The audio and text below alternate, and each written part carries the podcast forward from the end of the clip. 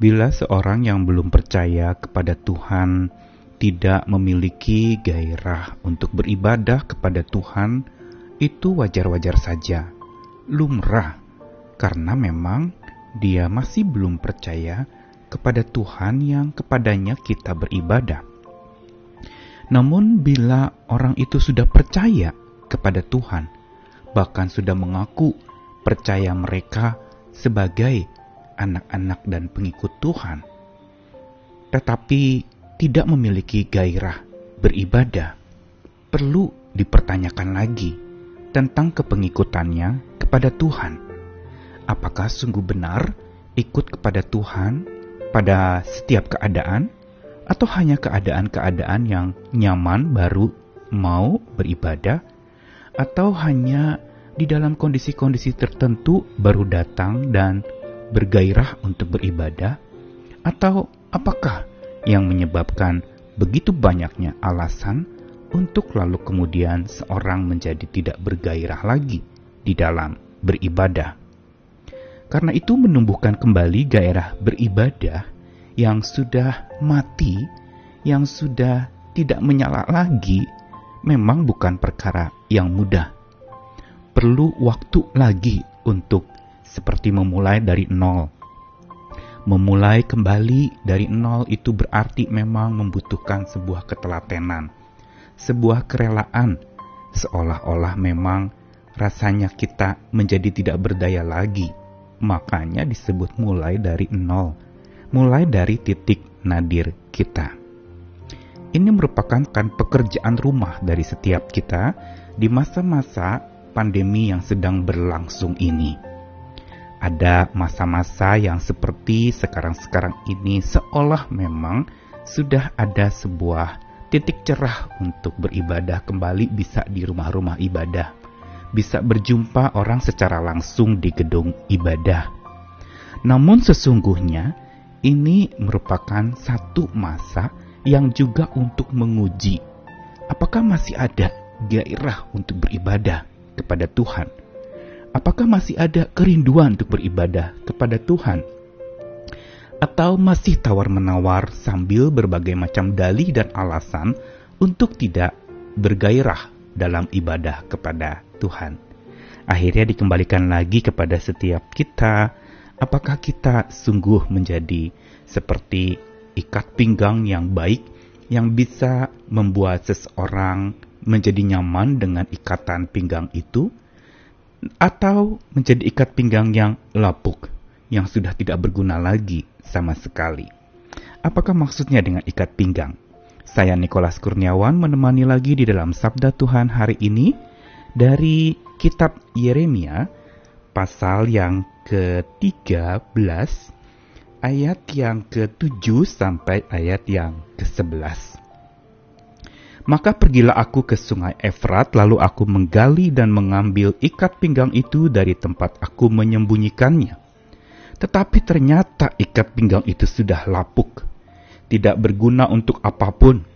Lalu datanglah firman Tuhan kepadaku, Beginilah firman Tuhan, demikianlah aku akan menghapuskan kecongkak bongakan Yehuda dan Yerusalem. Bangsa yang jahat ini yang enggan mendengarkan perkataan-perkataanku, yang mengikuti kedegilan hatinya dan mengikuti Allah lain untuk beribadah dan sujud menyembah kepada mereka akan menjadi seperti ikat pinggang ini yang tidak berguna untuk apa pun. Sebab seperti ikat pinggang melekat pada pinggang seseorang, demikianlah tadinya segenap kaum Israel dan segenap kaum Yehuda lekatkan kepadaku. Demikianlah firman Tuhan, supaya mereka itu menjadi umat menjadi ternama, terpuji dan terhormat bagiku. Tetapi mereka itu tidak mau mendengar. Ungkapan di dalam kitab Yeremia pasal 13 ini menyinggung tentang satu gambaran ikat pinggang. Apakah ikat pinggang itu?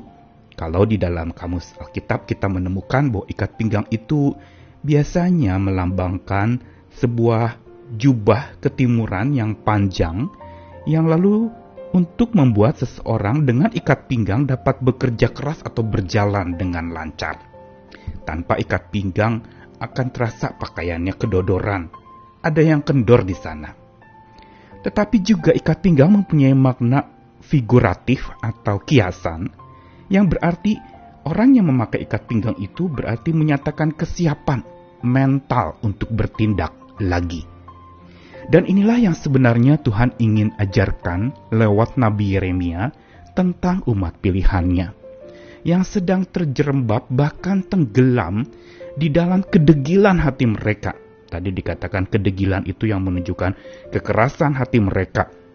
Mereka lebih mengikuti apa yang menjadi kemauan hati mereka.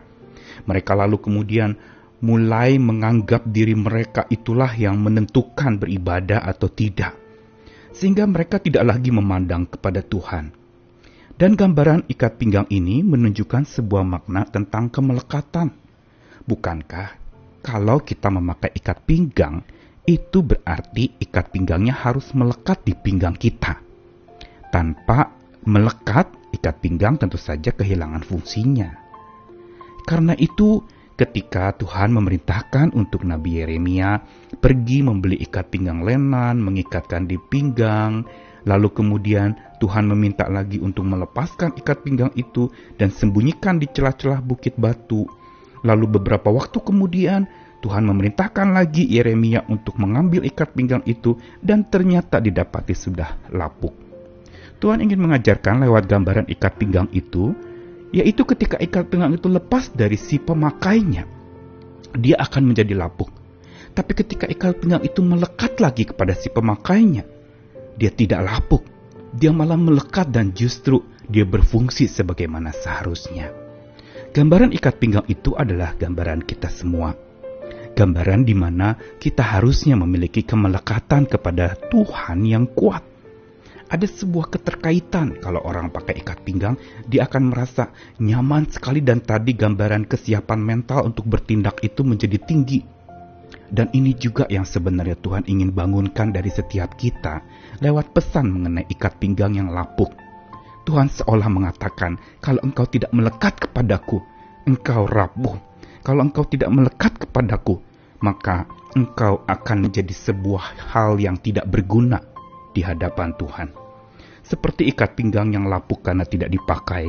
Begitu juga kita, bila kita tidak mau dipakai oleh Tuhan, hidup dan iman kita menjadi rapuh, menjadi lapuk. Dan karena itu, pelajaran hari ini adalah untuk menumbuhkan kembali gairah beribadah yang rapuh. Dibutuhkan kemelekatan kepada Tuhan yang kuat, kepatuhan yang penuh, yang dalam, dan keteguhan yang utuh sebagaimana ikat pinggang itu yang dikenakan, maka itu akan membuat seseorang menjadi teguh, menjadi bisa bertindak dengan nyaman dan enak karena ada ikat pinggang yang menyanggahnya. Inilah sesungguhnya yang Tuhan ingin panggilkan kepada setiap kita. Di masa-masa ketika kita mulai lagi akan memasuki sebuah ibadah yang berjumpa langsung di gedung-gedung ibadah maka perlu mental baru. Untuk sebuah normalitas yang baru, kita butuh mentalitas yang baru, yaitu mentalitas untuk memulai kembali dengan gairah beribadah yang tumbuh lagi. Dan untuk tumbuh, kita perlu melekat seperti ikat pinggang kepada pemiliknya, maka di situlah sebenarnya kita berfungsi. Sama kalau kita melekat kepada Tuhan, itu berarti kita baru dapat berfungsi dengan baik. Tanpa kita melekat kepadanya, kita akan lapuk, dan iman kita akan rapuh, sehingga kita tidak mampu berjuang lagi. Bahkan memulai kembali pun kita merasa malas, merasa enggan. Ah, sudah enak ibadah di rumah, sudah enak dengan hanya melihat layar. Tetapi Tuhan mau kita punya ibadah yang lengkap bukan saja lewat layar, tapi di mana pun kita beribadah, termasuk juga berjumpa orang langsung di gedung-gedung ibadah.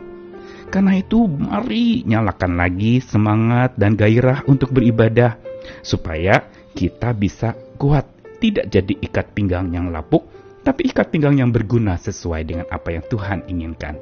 Selamat melekat kepadanya. Amin.